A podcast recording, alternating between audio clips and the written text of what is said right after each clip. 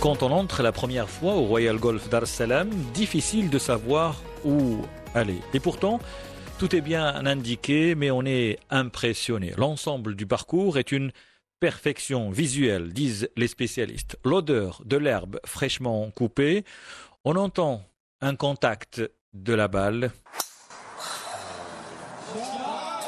Et puis aussi la réaction des spectateurs et les applaudissements. Bref, un endroit magique et le parcours est devenu plus exigeant.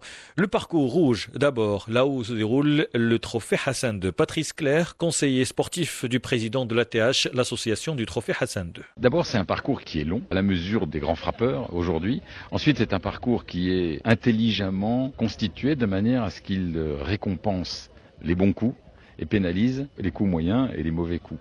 C'est-à-dire que les, en fait, les obstacles, ils sont là pour recueillir et pénaliser les coups moyens et les coups mauvais. Donc ça, c'est déjà une de ses caractéristiques, c'est qu'il est là pour récompenser les bons joueurs. Après, les greens aujourd'hui, le, golf moderne et les grands parcours demandent et exigent des greens très rapides, avec donc un sol très dur, et c'est ce qu'il faut euh, essayer d'obtenir. Et c'est pour ça que les greens ont été refaits, parce qu'ils avaient vieilli, et donc là maintenant, ils ont une texture qui va leur permettre, au fil des années, d'être de plus en plus rapides. Des joueurs ont également confirmé la difficulté du parcours à l'image du jeune Ayoub Id Omar, un amateur qui a réussi à franchir le cut.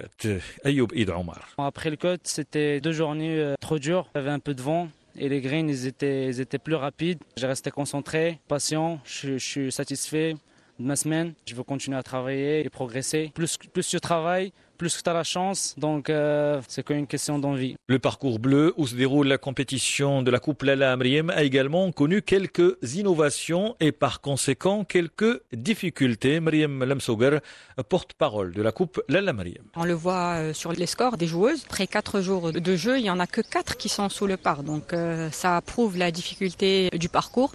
Et, et, tant mieux. C'est ce qui le rend bien et c'est ce qui va continuer à attirer de plus en plus de grandes joueuses. L'année dernière, il y a quelques banquers qui ont été introduits au milieu du parcours.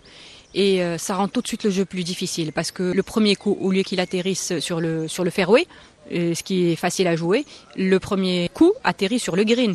Et là, euh, c'est très difficile de sortir une balle longue d'un bunker. On a évoqué tout à l'heure euh, Ayoub Id Omar côté marocain. Il y a également Ahmed Marjan qui a franchi le cut. Euh, côté dame, une seule marocaine a réussi à poursuivre l'aventure. Il s'agit de Maha Haddiwi.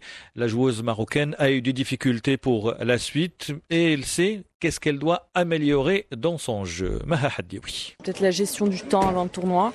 Sur le plan du, swing, du jeu, j'ai fait beaucoup, beaucoup de, de, progrès. Euh, peut-être euh, mentalement, voilà, mentalement être euh, beaucoup plus en confiance, euh, croire un peu plus en moi. Et puis voilà, c'est un, un, travail qui se fait, donc faut, faut aussi être patient. Le rideau est donc tombé sur la 45e édition du Trophée Hassan II, qui est revenu au Français Alexandre Lévy. La 24e édition de la Coupe Lalamriem est revenue à la Suédoise Jenny Agland.